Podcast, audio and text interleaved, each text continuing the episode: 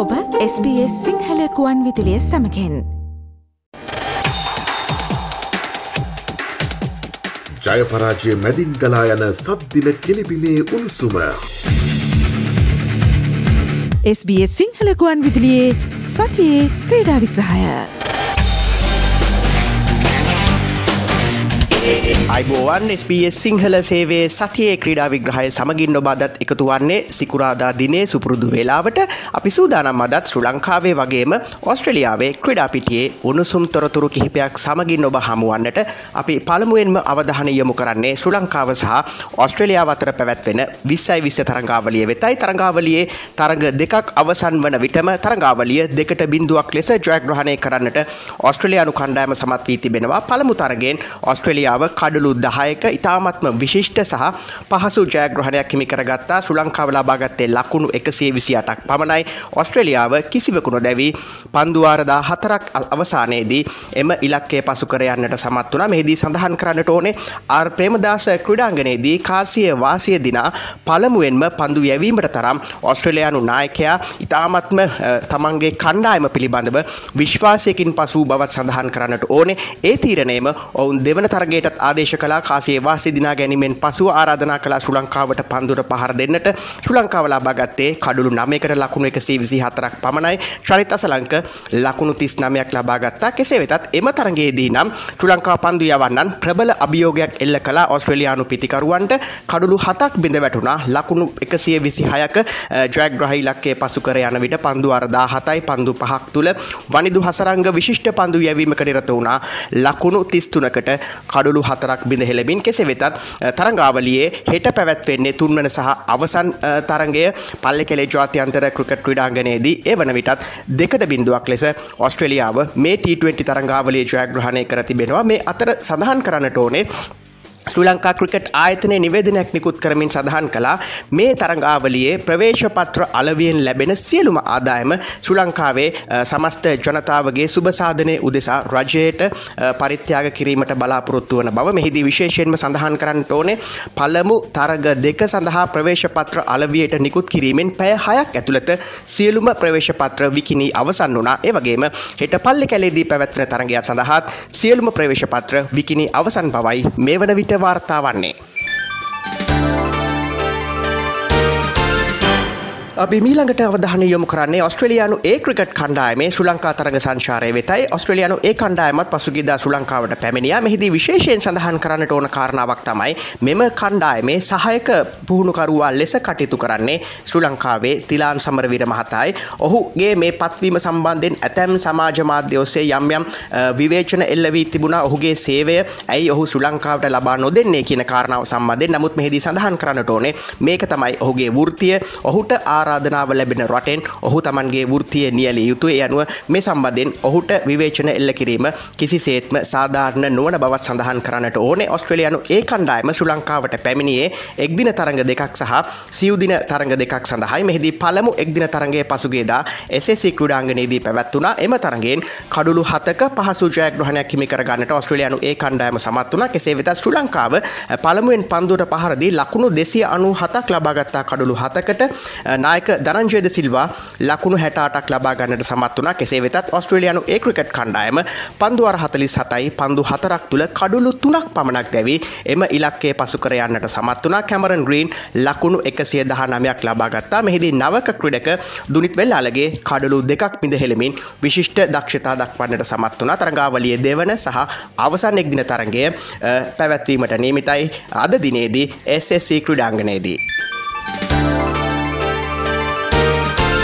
ඔබෙක්වී සිටින්නේ SBS සිංහල සේවේ සතියේ ක්‍රඩා විග්‍රහය සමගින් අපි දැන් සූදානම් වන්නේ දේශය ක්‍රඩා පිටියේ තවත් ක්‍රඩාපුවත් කිහිපයක් වෙත කෙටියේ නවදහන යොමු කරන්නටයි. ශ්‍ර ලංකා පාපන්දු කණ්ඩායම දෙදහස් විසිත්තුන ආසියානු කුසලාන පාපන්දු තරංගාවලියේ සුදුසුකම් ලැබීමේ තුන්වන වටේ තරගේකට පසුගේදා මුහුණ දුන්න ඒ උස්බෙගිස්ථානය සමගින්. එම තරගෙන් ගෝල තුනට බිඳුවක් ලෙස ශ්‍ර ලංකාව පරාජයට පත් වනා වසර විසිත්තුනකට පසුව තමයි ශ්‍ර ලංකාව මේ ආකාරෙන් උස්බෙගිස්ථානය සමගින් තරඟ වැදුනේ. අවසන් වතාවට එදහස් නමසය අනු නමේදී පැවති තරගෙන් ශ්‍ර ලංකාව ගෝල හයිට බිඳුවක් ලෙසයි පරාජය හිමි කරගත්තේ. කෙසේ වෙතත් ශ්‍ර ලංකාව ලෝක පාපන්දු ශ්‍රේණිගත කිරීම්වල සිටින්නේ දෙසිය පස් වන ස්ථානයේ උස්බෙකිස්ථානයේ සිටින්නේ අසූ තුන්වන ස්ථානය. මේ අතර ශ්‍ර ලංකා කණ්ඩායම හෙට දිනේදී තවත් තරගයකට මුහුණදීමට නීමිතයි තාලයන්තේ සමගින් ඉන් අනතුරුව එළබෙන දාහතර වනදාත් තවත් තරගයකට මුහුණ දෙනවා.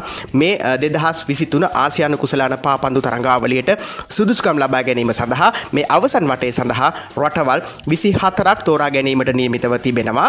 අපි මීළඟට අවධාන යොමු කරන්නේ ශ්‍ර ලංකා කාන්තා ක්‍රිකට් කණ්ඩායම වෙතයි. ශ්‍ර ලංකා කාන්තා ක්‍රිකට් කණ්ඩායම පසුගේදා පාකිස්ානය තරංගාවලියකට සහභාගි වුණා. එහිදී තුන්වන සහ අවසන් එක්දින තරගෙන් ලකුණු අනු තුනක ජයග්‍රහණයක් හිමි කරගන්නට ශ්‍ර ලංකා කාන්තා කණ්ඩායම සමත් වුණා. ශ්‍ර ලංකා කාන්තා කණ්ඩායම පළමුුවෙන් පන්දුර පහරදී ලකුණු දෙසිය හැටක් ලබාගත්තා චමරි අතපත් වූ විශිෂ්ට ඉනිමක් ක්‍රඩා කලා ලකුණු එකසිය එකක් ලබා ගනිමින් පිළිතුරු ලෙස පාකිස්ානය ලබාගත්තේ ලකුණු එකසිය හැට හතක් පමණයි කෙසේ වෙත තරගතුනකින් සමන්විත එක්දින තරංගාවලිය දෙකට එකක් ලෙස ජයගත්තේ පාකිස්ානයයි ඊට පෙර පැවැත්වුණු විස්සයි විස තරංගාවලිය තුනට බින්දුවක් ලෙස ජයග්‍රහණය කරන්නටත් පාකිස්ානු කාන්තා ක්‍රිකට් කණ්ඩායම සමත් වනා අපි මීළඟට අවධානයමු කරන්නේ සුලංකාවේ මලල ක්‍රඩාපුවතක් වෙතයි. සුලංකාවේ මලල ක්‍රඩක ක්‍රඩිකාවන් හතර දෙනෙකු පසුගේදා සුට්සල්ලන්තේ බලා පිටත්ව ගියා. හෙට දිනේදී ජිනිවාහිදී පැවැත්වෙනවා. ජාත්‍යන්තර මලල ක්‍රඩා තරංගාවලියක් ඒවගේම එලබෙනදා හතර වනදා බර්න් හිදී තවත් තරංගාවලියක් පැවැත්වෙනවා. මේ සඳහා සුමේද රණසිංහ ගයන්තිකා අබේරත්න කාලිංග කුමාරගේ වගේම සාරංගි සිල්වත් සහභාගි වීමට නියමිතයි. මෙම කණ්ඩායමේ බලාපොරොත්තු වන්නේ ඇමරිකා එක්සත් ජනපදයේ පැවැත්වෙන ලෝකශූරතා මලල ක්‍රඩා තරංගාවලිය සඳහා සුදුස්කම් ලබා ගැනීමයි. මේ අතර අපි ක්‍රිකට් ක්‍රඩා පිටියේ තවත් පුවතක් වෙතයි අවධානය යොමු කරන්නේ ICCය මැයි මාසයේ සඳහා විශිෂ්ටතම ක්‍රිකට් ක්‍රඩකින් තුන් දෙනෙකු නම් කර තිබෙනවා නිර්දේශ කර තිබෙනවා. මේ අතරෙන් ශ්‍රී ලංකාවේ ක්‍රඩකින් දෙදෙනෙකු නම් කර තිබෙනවා. ඇන්ජුල මැතිවස් වගේම අසිත ප්‍රනාන්දු ඇන්ජුල මැතිවස් පසුගේදා බංගලාදේශයට එරහෙව ටෙස්තරග දෙකේදීම ශතක දෙකක් වාර්තා කරන්නට සමත් වනා අසිත ප්‍රනාන්දු දෙවන ටෙස්තරගේදී කඩලු දහයක් සමගින් තරගේ වීරයා සම්මානය හිමි කර ගත්තා ඒ වගේම බංගලාදේශ ක්‍රීඩක මුශ්වික රහිමුත් නම් කර තිබෙනවා. මේ නිර්දේශිත නාම තුන අතරින් ප්‍රේක්ෂකයින්ගේ මනාපෙන් තොරා ගැනීමට නියමිතයි. මැයි මාසේ විශිෂ්ටතම ක්‍රිකට් ක්‍රීඩකයා. ඔබෙක්වී සිටින්නේ SBS සිංහල සේවේ සතියේ ක්‍රඩා විග්‍රහය සමගින් අපි දැන් අවධාන යොමු කරන්නේ ඔස්ට්‍රලයානු ක්‍රඩා පිටිය වෙතයි ඔස්ට්‍රලයානු ගොල්ෆ් ක්‍රඩිකා බිංජිලී සමත් වනා පසුගේදා ඇමරිකානු විවෘත කාන්තා ගොල්ෆ් තරංගාවලියේ ශූරතාව හිමිකර ගන්නට මේ සඳහා ඇයට ඇමරිකාන් ඩොල මිලියන එකයි දශම අටක වාර්තාගත ත්‍යයාග මුදලකුත් හිමේ වුණා. මිංජිලී වයිස අවුරුදු විසිහයයි ලෝක ශ්‍රණි ගත කිරීම්වල තවමත් සිව්වන ස්ථානය සිටින්නේ. එදහස් නමසය හතලිස් හයේදී ආරම්භ වුණු වුණු ඇමරිකානු විවෘත ගොල්ෆ් තරංගාවලිය මෙවර පැවැත්වනේ හැත්තෑ හයවන වතාවටයි ලෝකේ ප්‍රධානතම ගොල්ෆ් තරංගාවලිය ලෙසයි සඳහන් වන්නේ යනුව එම තරංගාවලේ ශුරතාවත් සමගින් මිංජිලී මේ වන විට ලෝකේ ප්‍රධාන පෙළේ ගොල්ෆ් තරංගාවලි දෙක ශුරතාව හිමි කරගන්නට සමත් වී තිබෙනවා. අපි මීළඟට අවධානය යොමු කරන්නේ නොවක් ජොකවික් සම්බන්ධ ක්‍රඩා පුවතක් වෙතයි. ඔහුට පසුගේදා නිමාවට පත්වුණු ඔස්ට්‍රලියයානු විවෘත ටෙනිස් තරංගාවලියට සහභාගී වන්නට අවස්ථාව උදාවනේ නැහැ. වීසා ප්‍රශ්නයක් නිසාවෙන් ඔහුට ඔස්ට්‍රලියාවට ඇතුළුවීමට අවසර හිමි වුණේ නැහැ. කෙසේ වෙතත් ඔහුට වසර තුනක කාලයක් සඳහා ඔස්ට්‍රලියාවට ඇතුල්වීම තහනම් කර තමයි නියෝගයක් නිකුත් කර තිබෙන්නේ. ඔහු පසුගේදා ප්‍රංශ විවෘත ටෙනිස් තරංගාවලිය පරාජයට පත්වීමෙන් අනතුරුව මාධ්‍යයට අදහස් දක්වමින් සඳහන් කර සිටියා. ලබන වසරේදී ඔස්ට්‍රලියානු විවෘත විවෘත ටෙනිස් තරංගාවලිය නියෝජනය කිරීමට තමන්ට අවස්ථාව උදාවනු ඇති බවට ඔහු එහිදී සඳහන් කර තිබුණේ. මෑතකදී අලුතින් පත් වූ ඔස්ට්‍රලයානු රජය තමන්ගේ තහනම ඉවත් කර තමාට ලබන වසරේදී තරංගාවලියට සහභාගිවීමට අවසර ලබා දෙනු ඇති බවට තමන් විශ්වාස කරන බවයි. මේ අතර ඔස්ට්‍රලියාවේ සුපේරේ විශිෂ්ට දඟපන්දු යවන ක්‍රේඩක ෂේන් වෝන් පසුගේදා තමන්ගේ ජීවන ගමනෙන් සමුගත්තා. ඔහුව සිහිකිරීමේ විශේෂ අවස්ථාවක් පසුගේදා එංගලන්තේ ලෝඩ්ස් ක්‍රඩාංගනීදී පැවැත්වුණා. නවසිලන්තේ සහ එංගලන්තේ අතර ප්‍රථම ටෙස්කෘකත් තරගේ ලෝඩ්ස් ක්‍රඩාංගනීදී පැවැත්වුණා. හිදී පළමු ඉනිමේ විසි තුන්වන පන්දුවාරය නිමාවට පත්වීමෙන් පසුව ක්‍රඩා ලෝලින් වගේම කණ්ඩායම් දෙකේම ක්‍රඩකින් තප්පර විසිතුනක කාලයක නිශ්ශබ්දතාවක් පවත්වනු ලැබවා. මීට හේතුව තමයි ෂේන්වෝන් තමන්ගේ ක්‍රඩා ගමන තුළ තමන්ගේ ජර්සියේ පැළද සිටියේ අංක විසිතුනයි. මෙය සිහිකිරීම සඳහා තමයි මේ ආකාරයෙන් විසිතුන්වන පන්දුවාරය අවසාන ස්ථානයේදී නිහඬතාවක් පවත්වා තිබෙන්නේ ෂෙන්වෝන් එංගලන්තයට එරෙහිව කඩුලු එකසිය අනු අටක් ටෙස් තරගවලදී මිදහෙලීමට සමත් වී තිබෙනවා පසුගිය මාර්තු හතරවනදා ඔහු තායිලන්තයේදී මේ යන විට වයිසවුරුදු පනස් දෙකක් වුණා. ඒ සමගින් SBS සිංහල සේවේ සතියේ ක්‍රඩා විග්‍රහයෙන් අදට අපි සමුගන්නවා හමුවමු ලබන සිකුරාදත් සුපුරුදු වේලාවට එතෙක් ප්‍රාර්ථනා කරනවා ජයග්‍රාහි සතියක්. ජයපරාජය මැදින් ගලා යන සද්දින කෙලිබිලේ උණුසුම. SBS සිංහල ගුවන් විදිලියේ සතියේ ක්‍රීඩා විග්‍රහය.